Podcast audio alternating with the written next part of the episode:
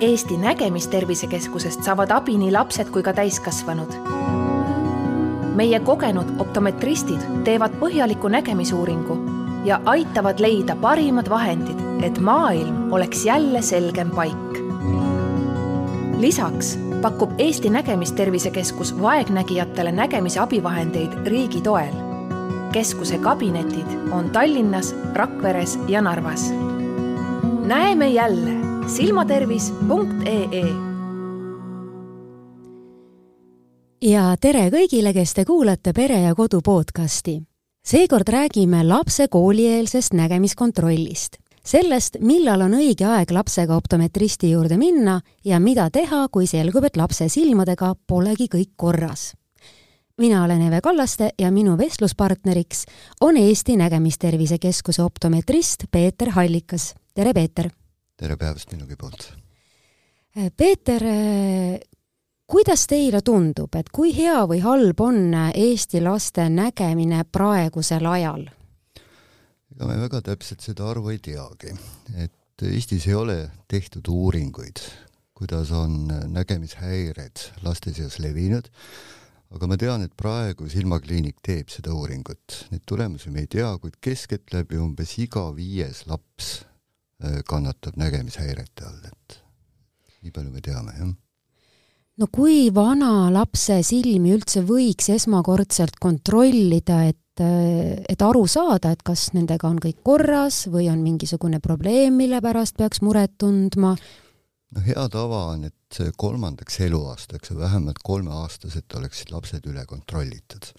esimese kontrolli teevad kindlasti silmaarstid. Nad, nad vaatavad silmapõhja, silmalihaste koostööd, nägemisteravust ja pärast, kui kõik on korras, siis järgmine kontroll võiks olla enne kooli, kui, kui vanematel ei teki kahtlusi et enne kooli peab kindlasti nägemise üle kontrollima. kui nüüd äh, laps äh, satub sinna optometristi juurde, siis äh, seal on igasuguseid erinevaid aparaate, mis seal tema silmade ette pannakse ja siis sa pead kuskil oma lõua veel peale panema ja pea sisse panema no mina olen käinud ka optometristi juures kontrollis ja ma tean, et see kõik on väga põnev, täiesti valutu ja, ja isegi ma peaks ütlema, et äh, üpris, üpris huvitav on kogu see protsess. aga kui nüüd laps tuleb, siis tema ju ei tea, mis teda kõike ees ootab ja need aparaadid võivad tunduda sellised, et hmm, mis siin nüüd siis juhtuma hakkab, et kuidas siis, kuidas siis nagu see lapse sõbraks tegemine käib selle aparaadiga? jah, eks see enamik lapsi ikkagi kardab aga ähm, me alustame, alustame sellest, et äh, me hakkame näitama kohe pilte, kui lapsed on veel tähtis, me hakkame pilte näitama ja neil on päris põnev, nad on, nad on rõõmsad, kui nad mõne kujundi ära tunnevad, siis me läheme järjest väiksemaks, jälle tunnevad ära, siis näitame värve, punast, rohelist lõppkokkuvõttes masina taha paneme nad kõige, kõige viimases etapis ja lõpuks, kui nad ära lähevad, siis nad enamasti on kõik üsna rõõmsad, ütlevad head aega ja on hea meelega uuesti tulemas. ja tegelikult nad ei võtagi seda siis enam kui mingisugust arsti juures käimisele sarnast? see on ikkagi üks tore onu või tore tädi, kes, kes näitas talle pilte ja ja me vägisi ei tee mitte midagi, kui laps ikka väga kardab, siis siis me ei sunni, vaid, vaid kutsume nad tagasi, kui ta on selleks valmis. Ilmselt on oluline ka see, et kuidas on lapsevanem last ette valmistanud selleks äh, silmakontrolliks, et kui see suhtumine juba kodus vanemate poolt on selline, et oh, et lähme ühte vahvasse kohta ja me saame seal aparaadi sisse vaadata ja see on nii tore kõik, et võib-olla siis see ka juba häälestab nagu last sellisele lainele, et see saab nagu olema üks mingi, mingi huvitav käik jaa, vanemad üldiselt valmistavad lapse ette, aga kui, kui see reaalsus, kui ta uksest sisse tuleb, no see reaalsus on siis teine, ta ikkagi need lapsed ikkagi kardavad. ja, ja kui, kui me suudame nagu rahulikult ja põnevalt selle asja läbi viia, siis me üldiselt oleme saanud need tulemused kätte sealt, jah väga hea, no ma usun, et kui on koolieelne silmakontroll, millele me täna juba rohkem keskendume, siis see ei ole enam lapse jaoks esimene kord, siis ta juba teab, mis seal toimub. Ja, ja, ja selline protsess on juba palju nagu sujuvam, aga kuidas üldse lapsevanem nagu Äh, aru saab, et tema lapsel vist on nägemisega probleeme, et millised need märgid on, mida, mida nagu tasuks tähele panna? Erinevas vanuses erinevad, et eelkooliealised lapsed, väga tihti juhtub nii, et vanemad ei saagi aru. et kui lapsed sünnivad, nad tavaliselt sünnivad lühikese silmaga, nad näevad kaugele üsna hästi. aga mida see lühike silm tähendab? lühike silm tähendab seda, et et ta on plussilm, meil on plussklaasid ja miinusklaasid, pluss, plussklaaside puhul silmamuna on liiga lühikene ja miinusklaaside puhul on silmamuna liiga pikk. Aga probleem on tihti selles, et äh, kui silm on liiga lühikene või üks silmadest on liiga lühikene, siis üks silm näeb halvasti ja teine silm näeb hästi ja vanemad ei saagi aru, et lapsel on nägemisprobleem et see, see on nagu hästi oluline et.... mis tähendab, et tulebki käia selles regulaarses kontrollis, sest ise ilmselt ei märka. just nii ongi jah, ja, ja tegelikult võiks ju teha ka sellist mängu, et, et katame ühe silma kinni, et vaatame, kuidas sa sellega näed, katame teise silma kinni, vaata, kuidas sa sellega näed, et siis tuleb ta üsna hästi välja, et üks silm näeb kehvasti, et jaa, ma arvan, et see on küll väga hea, väga hea soovitus juba lasteaiaealiste laste puhul. ja sellist, kui üks silm, üks silm kehvasti näeb, siis me kutsume seda laisaks silmaks. et see silm ei ole arenenud, valgus ei ole jõudnud silmapõhjarakkudeni. ja noh, üldiselt kuni, kuni kolmanda-neljanda eluaastani saab seda prillidega korrigeerida, et, et hästi nägev silm kaetakse kinni ja sunnitakse halvasti nägev silm vaatama eks ta paras, paras väljakutse vanematel on, et ega laps, kui sa ikka halvasti näed, sa ei taha seda klappi omal silma ees hoida niimoodi mm. -hmm, sest muidu ju, kui teine silm on lahti, siis pole nagu eriti häda midagi. siis, siis ei ole ka sellel mõtet niimoodi, et just, just see hästi nägev silm tuleb kinni panna, halvasti nägev silm sundida tööle kuidas siis seda lastele teha nagu äh, vahvaks, et kas tuleb koos, ma ei tea, piraadifilmi enne vaadata või, või et, et mis, mis meetodeid tuleb, need vanemad kasutavad? see tuleb mänguliseks teha, et äh, ma olen näinud, vanemad on, on pakkunud mingit preemiat, et kui sa nüüd hoiad silma kinni, siis ma ei tea, ostame kommi või ostame mänguasja või läheme kuskile et see on jah, see on väljakutse. et lapsel peab olema selline käega katsutav mingisugune nagu äh, ütleme, boonus, et kui just. ta teeb midagi, mida ta ei taha teha. just nii. Ma mäletan küll, et kui minu lapsed käisid lasteaias, siis äh, seal oli nii mõnigi laps, kellel oli üks silm kaetud ja mulle kuidagi tundus, et nad siiski harjuvad sellega ja askeldavad rõõmsalt äh, mingi aja pärast. no eks lapsed on ju meil kavalad, et, et kui me paneme selle hästi nägeva silma kinni, tal on prillid ees, noh, nad kipuvad ikka sealt, sealt katte alt piiluma niimoodi ülevalt vaalt, et äh, neid peab jälgima, jah mm. -hmm, mm -hmm. kas koolieelsesse silmakontrolli siis peaks tulema nüüd vahetult enne kooliaasta algust või võib selle protsessi läbi teha juba kevadel või mismoodi see kõige parem aeg valita, valida? põhimõtteliselt võib selle ka kevadel läbi teha, et tähtis on see, et kooliks oleks see kontroll ära tehtud. mina küll olen soovitanud, et juhuks, kui on mingi nägemisprobleem, mida saab prillidega korrigeerida, et see võiks see võiks olla vähemalt augustikuuks võiks see prill käes olla, et tal ei oleks kahte stressi, prillid ja kooliminek, et ta, et tal oleks aega selle prilliga ka harjuda niimoodi mm. -hmm.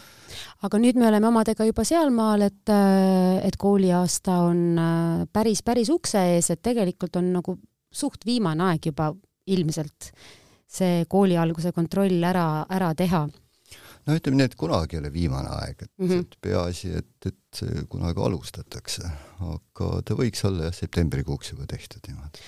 no aga kui selgub äh, suvel, et äh, lapsel on silmad äh, täiesti korras ja ta võib kooli minna ja kõik on väga hästi, siis kui tihti peaks tegema seda rutiinset kontrolli?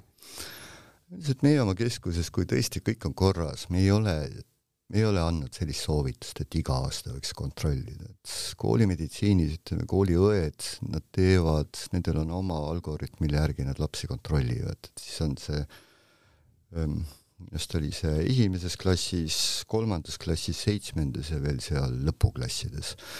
et nad väga hästi peilivad välja need nägemishäired. Ja samas vanemad, kui nad jälgivad, nad tunnevad oma lapsi, nad oskavad märgata, kui nägemiskäitumises on mingid muutused toimunud et suurema et lapsega on juba lihtsam, eks ole? mitte ala-, mitte alati, et alati, kui, kui ütleme, noorukid tulevad mu vastuvõtule ja ma küsin nende käest, et kuidas sa näed, siis ma saan enamasti vastuseks normaalselt. kui ma hakkan seda nägemist kontrollima, siis, siis ta on normaalsusest kaugemal. Probleem on selles, et nad vaatavad, tänapäeval vaadatakse väga palju lähedale oma telefone, enamasti telefone, arvutit juba vähem. ja sinna lühinägelik naps näeb ju väga hästi ja ta ei saagi aru, ükski laps ei ole kurtnud, et ta arvutisse ei näeks, mitte ükski laps. et sinna ta näeb, oma telefoni näeb ta väga hästi, aga, aga see, mis kõik jääb kaugemale, no sinna ta ei pruugi näha aga see pole ka tema jaoks nii oluline, ta ei tee sellest probleemi, jah? nimelt, et see, et see lähedale nägemine on tema jaoks normaalne aga enamasti siis tuleb see välja siis, kui näiteks ei näe tahvlile.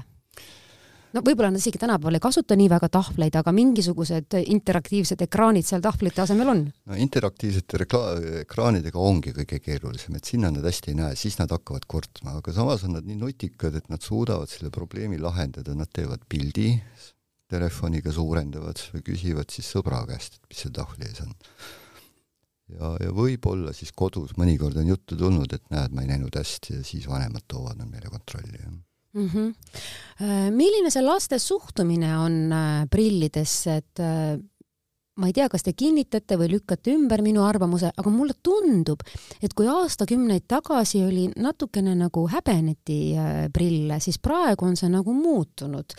noh, sama asi on muutunud ka breketitega, et breketid on trendikad, äh, prillid on trendikad, äh, igasuguseid moodsaid prille saab endale tellida, et see laste selline vastumeelsus prillide kandmisele vist on jäänud tunduvalt väiksemaks. ma olen nõus teiega, jah, et enamasti ikkagi ei häbeneta prille, et kui see raam, kui vanemad on valinud ikkagi mugava ja moodsa raami, et äh, siis laps kannab hea meelega seda.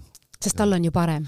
tal on, esiteks tal on parem ja üsna tihti juhtub ka seda, kus, kus soovitakse lihtsalt nullklaasidega prille noh, meil ei ole selle vastu midagi. aga miks soovitakse nullklaasidega prille, et targem välja näha või et oleks ekraanikaitse või? ma olen, ma olen küsinud, mulle on öeldud, et sõbrannal on ilusad prillid see et see ta, tegelikult see mõju, nagu jah? aksessuaar on juba jah, ta on aksessuaar, jah hmm,. päris huvitav. Äh, aga kui nüüd juba aksessuaari valimiseks läheb, oletame, et isegi on prilli vaja, äh, siis äh, kas vanemad ikka lubavad lastel endal ka sõna sekka öelda, et milline see prill hakkab välja nägema? Õnneks juba lubavad. ma mäletan aegu, ma olen, ma olen töötanud umbes kakskümmend aastat, siis algusaegadel ikkagi pöörati hinnale üsna palju tähelepanu või toodi kuskilt äh, äh, kodusest kultuurikihist vanad raamid välja, et noh, mis see prill siis, see ei peagi ilus olema. aga tänapäeval enam ei ole see probleem, et vanemad ikkagi lasevad lapsel valida äh, ja, ja nii ongi, jah et kui laps on ise valinud, siis on see võimalus, et ta seda nagu kandma hakkab ikkagi ilmselt palju suurem. nii on, sest tegelikult, tegelikult ta on ju iga päev ees ja, ja ma ikkagi toon paralleeli, et kui ma kannan mingit pluusi ja see mulle ei meeldi, ma ei tunne ennast hästi sellega, see, ta peab mugav olema, ma ei pea mõtlema kogu aeg oma nägemise või silmade peale. samas võiks olla disain ka selline, et sõber no, ütleb, et issand, kui ägedad prillid sul ja, on. ja nii ongi jah, et et ütleme, kooliealistel on ju väga oluline, mis teised sinust arvavad niimoodi, et et siin peab, siin peab neid ikkagi, nende arvamust kuulama, jah aga kas on nii ka, et äh, on mingisugused prillitrendid, et millised prillid siis praegu näiteks moes on äh,? täiesti täiesti üldiselt erinevad, aga ümmargused, ümmargused raamid on, ümmargused klaasikuju on praegu hästi moes, et see suurem, ümmargune, et see on praegu moes, jah. kui nüüd rääkida prilliklaasidest, siis ähm, sinna peale saab ju tellida igasuguseid äh, erinevaid kaitseid, et mis on need asjad, mis seal kindlasti peaks olema ja mis on rohkem sellised nagu mugavuse asjad, mis nagu võivad olla? kui prilliklaasidest rääkida, siis lastel ja noorukitel ja noh, üldse ka täiskasvanutel, mina eelistan küll ainult plastikklaasi laste noorukite puhul see on juba turvalisuse küsimus, et kui, kui nad seal jooksevad, kukuvad, kokku põrkavad, et, et need klaasikillud silma ei läheks, plastik ei lähe kildudeks. ja noh, tänapäeval me paneme sinna klaasi peale, kindlasti peab seal kõva kate olema, et, et neid kriimustusi ei tekiks, aga, aga noh, kriimustused tekivad ikkagi. paneme peale sinna peegeldusvastase katte ma pean seda, mina pean isiklikult seda väga oluliseks, et see on nagu nägemismugavuse seisukohalt hästi mugav. vot ma nüüd vahepeal küsin vahele, et kui see peegeldumisvastane kate on peal, siis kuidas see nägemine on parem, et kui seda ei ole, et kas siis hakkab nagu helkima mingi nurga alt või, või, või mis, mis siis juhtub? just, peeglistusvastane kate laseb oluliselt rohkem valgust läbi ja kui, kui te kujutate ette prilliklaasi, siis tal on esipind ja tagumine pind ja kui seal ei ole seda peegeldusvastast katet, siis, siis just tagumiselt pinnalt tulevad peegeldused hakkavad nägemist segama, et mul siin mingi aeg tagasi läksid oma prillid katki ja mul olid vanad ilma peegeldusvastase katteta prillid. Ja see oli üllatavalt ebamugav, kuidas, kuidas tagant tulev valgus, eriti auto juhtimisel, sind segas.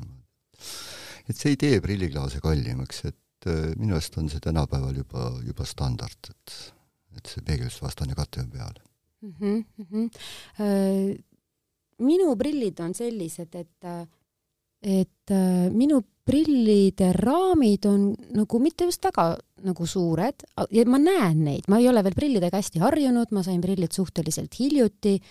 et mis siis juhtub, kui ma nendega ära ei harjugi, nende raamidega, mida ma kogu aeg nagu näen, et kas ma siis, ma ei teagi, peaksin võtma ilma raamideta prillid äkki mõnel lapsel sama asi? Või harjub ära sellega lõpuks? ei ole lapsed mulle kurtnud seda, et ta näeb raame, jah, täiskasvanud, kui see on uus asi, jah, me ikkagi vaatame, märkame seda ähm,.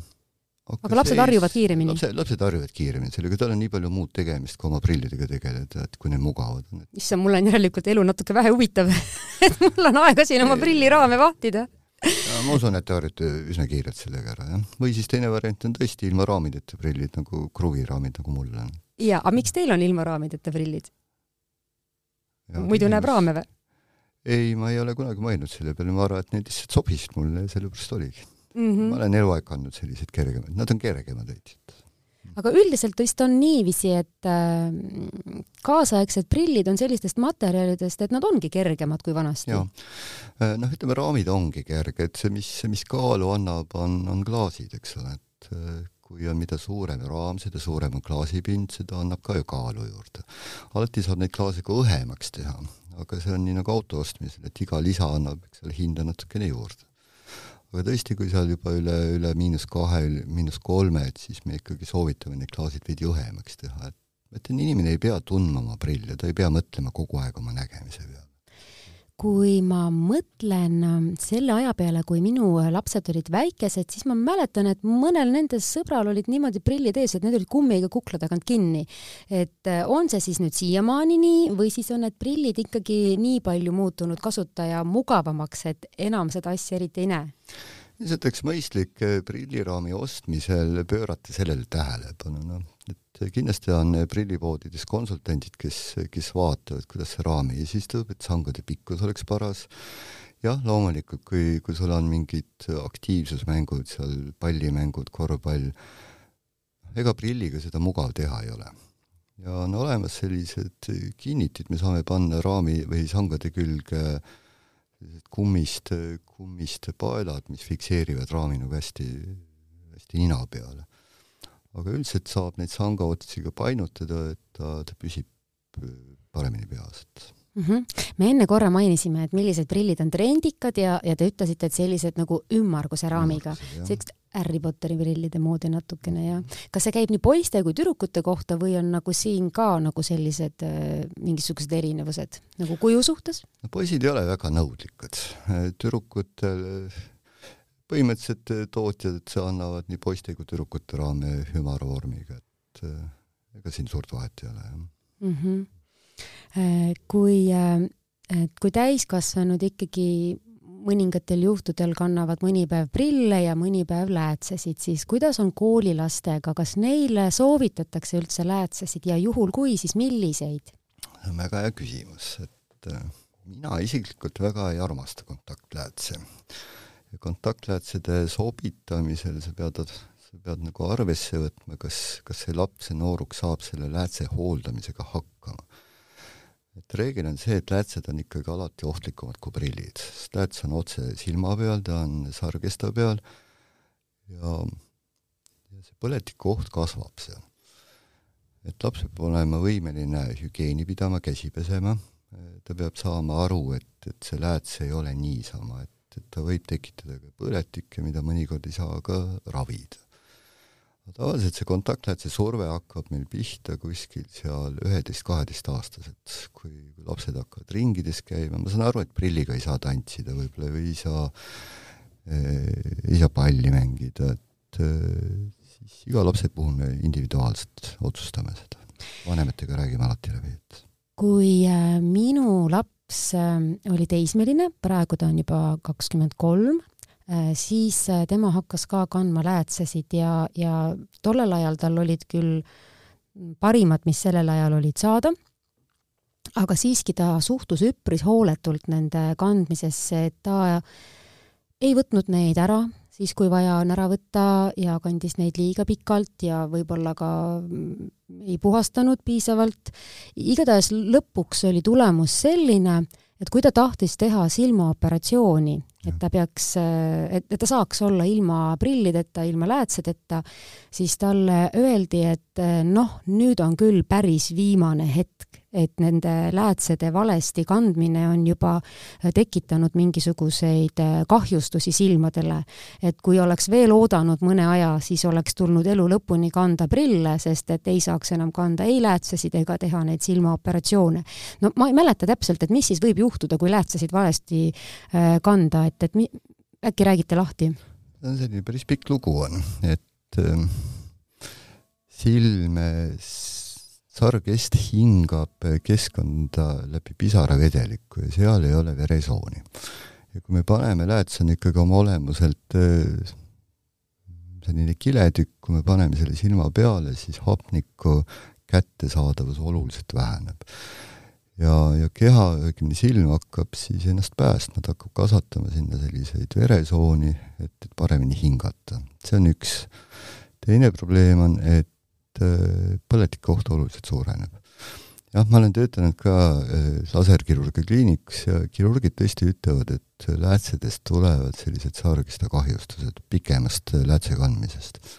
et sellepärast me alati nagu mõtleme läbi, kas, kas see läätsesoov on nagu mõistlik äh, või mitte niimoodi, et alati, alati jah, noorukid nad lubavad, see on nagu looma võtmine, et jah, ma hakkan selle koeraga väljas käima, lõpuks käivad vanemad selle koeraga väljas et läätsedega on samamoodi. see põhireegel on, et viis päeva nädalas võiks läätse kanda ja kaks võiks olla nagu läätsevaba. aga paraku ei, ei tule see alati välja nii, jah mm -hmm. nojah, ma võin küll enda pere puhul öelda, et see äh, lubamine oli ühtemoodi just, just. nii läätsede puhul, nii äh, hambakapede puhul, äh, nii koera puhul, nii kassi puhul kui tuhkru puhul et äh, ikka lõpuks on jah, vanemad reeglina need, kes peavad siis hoidma seda silma peal kuidas laps oma silmade eest hoolitseb. jah, aga no vanematel on ka oma elu, ega nad ju alati ei näe, eks ole, seda, et aga me üldiselt, kui nad tulevad meie juurde, siis me räägime need ohud läbi nendega. kuidas siis peaks seda läätse korrektselt kandma, et ei tekiks selliseid kahjustusi, mis võivad näiteks hiljem äh, olla selleks ohuks, et äh, ei saagi silmaoperatsiooni teha?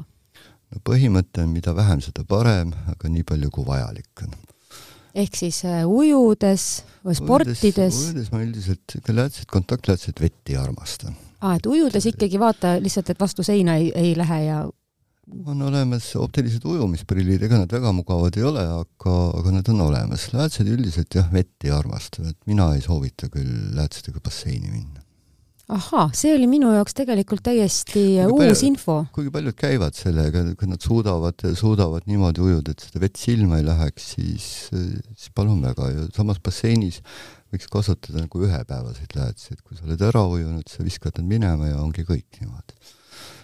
et, et läätsed ju jagunevadki, eks ole, ühepäevasteks või siis noh, ütleme kuueajasteks läätsedeks, et kuueajased läätsed vajavad hooldust, puhastust, konteinerit, vedelikku Äh, ühepäevased, panid silma, kasutasid ära, viskasid minema ja, ja ongi kõik, jah. aga missugused äh, läätsed, ütleme, kui nüüd koolilapsed neid ise kasutavad, on kõige silmasõbralikumad? Äh, minu jaoks läätse kvaliteet, kvaliteeti näitab see, kui palju ta laseb hapnikku läbi, kui palju läheb õhku hapnikku läbi, läbi selle läätse pinna, sargiste pinnal. et see, seda terminit, see on DKT arv, see peaks olema tublisti üle saja kahekümne, saja kolmekümne, et alati, kui te lätsi muretsete või ostate, siis uurige, kui suur on see hapnik, hapniku läbilaskevõime.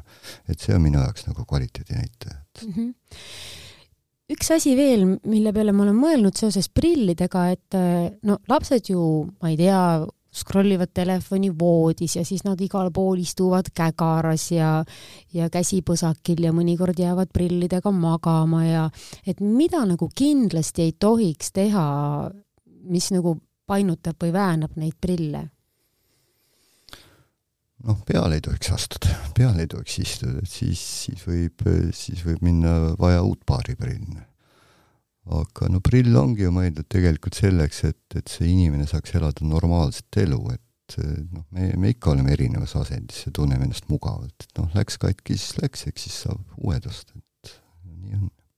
ahaa, noh, lapsevanemad, et no, võtke saan, siis see mõtlemine endale omaks. ma saan väga hästi aru, et jah, see on kulukas, see, see tõesti on kulukas, aga, aga ma ikkagi toonitan, et laps ei pea mõtlema kogu aeg selle peale, et tal on nagu nägemishäire, et ta paneb prillid ette, ta on elab oma elu. elab oma elu, jah. teisest küljest jälle, et kui laps on saanud, äh, ma ise arvan nii, et kui laps on saanud äh, öelda sõna sekka selles prilli valimise protsessis ja kui talle need prillid väga meeldivad, et siis ta võib-olla ka rohkem mõtleb selle peale, et ta ei painutaks neid, ei kaotaks neid, sest et eh, muidu peab läbima selle protsessi uuesti ja kes teab, kas uued prillid on enam nii kenad ja toredad, ehkki nad enamasti on. just, noh, üldiselt mida vanemaks see, laps saab, seda vastutustundlikum ta on kui mm -hmm. prill ära kaob, no siis tõesti ei ole midagi teha, aga tänapäeva raamid on üsna kvaliteetsed, neid saab ju painutada, neid saab äh, vormi tagasi anda, kruvi saab leida. me üldiselt oleme hakkama saanud mm. -hmm. no kui äh, rääkida veel nendest lastest, kes äh, alles alustavad enda kooliteed ja saavad siis nagu need äh, enda esimesed prillid, siis äh, äh, mille poolest need äh, plastmassraamid, mida te enne soovitasite, ja klaasid on siis äh, paremad nendest äh, klaasist klaasidest ja jäikadest äh, raamidest? no noh, ütleme plastmassraami ma siin seda soovitust ei anna, aga pigem klaasid. ahah, raam ei pea olema plastikust? raam, raam on nii, ei pea. aga millest võiks?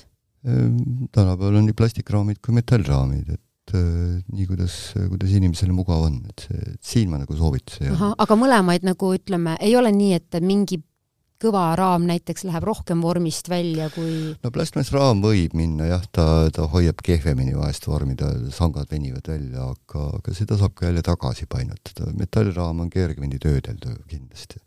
aga klaasid, need peavad kindlasti plastikud olema, just, just see see trauma ärahoidmise eesmärgil, noh ta on kindlasti ka kergem. Ja tõesti, kui nad seal kooli vaheajal kokku põrkavad, jooksevad, et need klaasikillud siis silma ei läheks, et see, see on hästi oluline. Peeter, te olete optometristina töötanud äh, ligikaudu paarkümmend aastat, et kas on mingisuguseid nägemisega seotud müüte ka, mida ikka veel usutakse ja, ja kas need müüdid siis ka nagu mõnes mõttes peavad paika või siis mitte, no näiteks kui mina olin väike, siis öeldi, et kui sa näiteks sööd porgandit, siis sinu nägemine on hea. kui sa loed äh, raamatut hämaras, siis su nägemine läheb ruttu väga halvaks, et äh, on nendel ütlustel tõepõhi all? porgandi söömisel nüüd kindlasti põhja all ei ole, et meil oli siin just üks konverents, kus üks noor tohter tegi ettekande nendest nägemismüütidest ja ja porgandi söömine nüüd nägemisele kuidagi ei mõjuta. hämaras lugemine, see on nii ja naa, et äh, äh, on tehtud uuringud, et lapsed, kes, kes veedavad päevas vähemalt kaks tundi õues, ehk nad ei vaata lähedale, et nendel lühinägelikkuse areng oluliselt äh, väheneb. noh, hämaras lugemise kohta nüüd just ma ei oskagi täpselt seda öelda mulle tundub, et mulle see küll ei mõjunud. ma terve lapsepõlve ja. lugesin igasugustes asendites, igasuguses valguses ja ma arvan, et enne kui nende ealiste isa, iseärasuste tõttu ma sain oma esimesed prillid neljakümne kuue aastaselt, mu nägemine oli absoluutselt korras, võib-olla see on individuaalne, aga mulle tundub, et see müüt küll ei pea paika. aga nüüd, kui te mainisite, et oli see ettekanne seal konverentsil, mhm. et milliseid põnevaid müüte siis seal veel teemaks tuli? Ja no millega mina iga päev kokku puutun, on see, et prillid on kurjast. kuidas kui, nii? et kui väga paljud vanemad küsivad mu käest, kas ma, kas laps peab kogu aeg prilli kandma, siis mina esitan neile vastuse, et aga mis olukorras te oleksite, teie oleksite nõus halvasti nägema, et miks teie laps peab mõnel hetkel päevas halvasti nägema. mina arvan, et prill võiks olla kogu aeg ees, laps peab kogu aeg, inimene peab kogu aeg nägema siis tekib küsimus, et kui, kui prill on ees, kas siis, kas siis silm liiga laisaks ei lähe? tegelikult ei lähe liiga laisaks, et äh, me harjume, pigem on küsimus selles, et me harjume hea eluga, hea eluga harjume kergesti ja kui sa siis prilli eest ära võtad, no sa näed uduselt ja sulle tundub, et sa näed halvemini. Et... aga tegelikult sa siis näedki nii halvasti, kui sa ilma prillita näed? jah, täpselt nii ongi, jah. et et eh, jah, ma olen, ma olen puutunud kokku olukordadega, kus suveks peidetakse nooruki prillid ära, kui tal on see nägemishäire miinus viis, see vaene laps ongi kolm kuud, istub seal kodus, ta kuskile väga kaugele ei kas näe. kas vanemad arvavad, et see miinus viis võiks paraneda suve jooksul ära, kui laps vihikusse ega tahvlile ei vaata no,? tõenäoliselt nad arvavad niimoodi, jah. jaa, aga, aga siin on mul äh, üks väike nüanss, et äh, kui silmad äh, saavad need prillid lihtsalt sellepärast, et nad võib-olla nagu väsivad, eh, siis võib vist küll juhtuda, et nagu nädalavahetusel ei tunnegi vajadust prillide järgi. sõltub väsimusest jah, väsimus, siin tuleb nagu eristada, mis, mis asi on väsimus, et eh, patsi-, klientide jaoks on väsimus, kui ma hakkan täpsustama, väsimus on, kui silmad kipitavad, kuivavad, tahaks kinni panna, selline unetunne minu jaoks väsimus on siis, kui ei, ei näe, kui nägemine muutub halvemaks mm. -hmm. minul näiteks oli niiviisi, et, et ütleme, Mm, kui oled palju teinud arvutis tööd, siis kuidagi tundub, et läheb lihtsalt nägemine kehvemaks ja pea, pea läheb kuidagi ja, häguseks või ma ei oska öelda. et meie jaoks on väsimus see, kui nägemine muutub, aga enamus inimeste jaoks väsimus on noh, selline kipitustunne. kuiva silma sündroom lihtsalt jah. kas äh, koolilastel tekib ka selline mure, et, äh, et silm on kuiv, et et äh, kas see on nagu läätsega kuidagi seotud? üllatavalt, üllatavalt äh, viimasel ajal on tekkinud, ma olen märganud, et lastel on silmad kuivaks läinud, lastel ja noorukitel.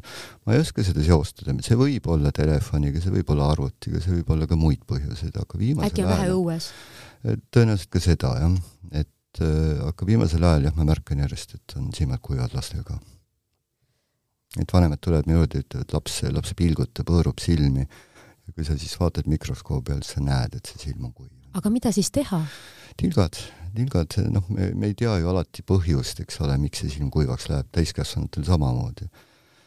et äh, on olemas neid, neid äh, niisutatud tükkesid on üsna palju, et siis tuleb see kuivus sealt ära, ära kaotada ja äkki siis elukvaliteet jälle paraneb ja suur tänu Eesti Nägemistervise Keskuse optometrist Peeter Hallikas, et me oleme täna saanud sellise põhjaliku ülevaate laste nägemisest ja, ja hea kuulaja, kui sulle tundub, et sinu laps vajab prilli, siis on juba kindlasti see hetk, kus tuleb minna optometristi juurde. igal muul juhul käi lihtsalt aeg-ajalt oma lapsega silmi kontrollimas, eriti enne kooliaasta algust head nägemist kõigile, trendikaid prille ja meie saade on selleks korraks lõppenud. kohtumiseni! Eesti Nägemistervisekeskusest saavad abi nii lapsed kui ka täiskasvanud. meie kogenud optometristid teevad põhjaliku nägemisuuringu ja aitavad leida parimad vahendid, et maailm oleks jälle selgem paik. lisaks pakub Eesti Nägemistervisekeskus vaegnägijatele nägemise abivahendeid riigi toel keskuse kabinetid on Tallinnas, Rakveres ja Narvas. näeme jälle silmatervis.ee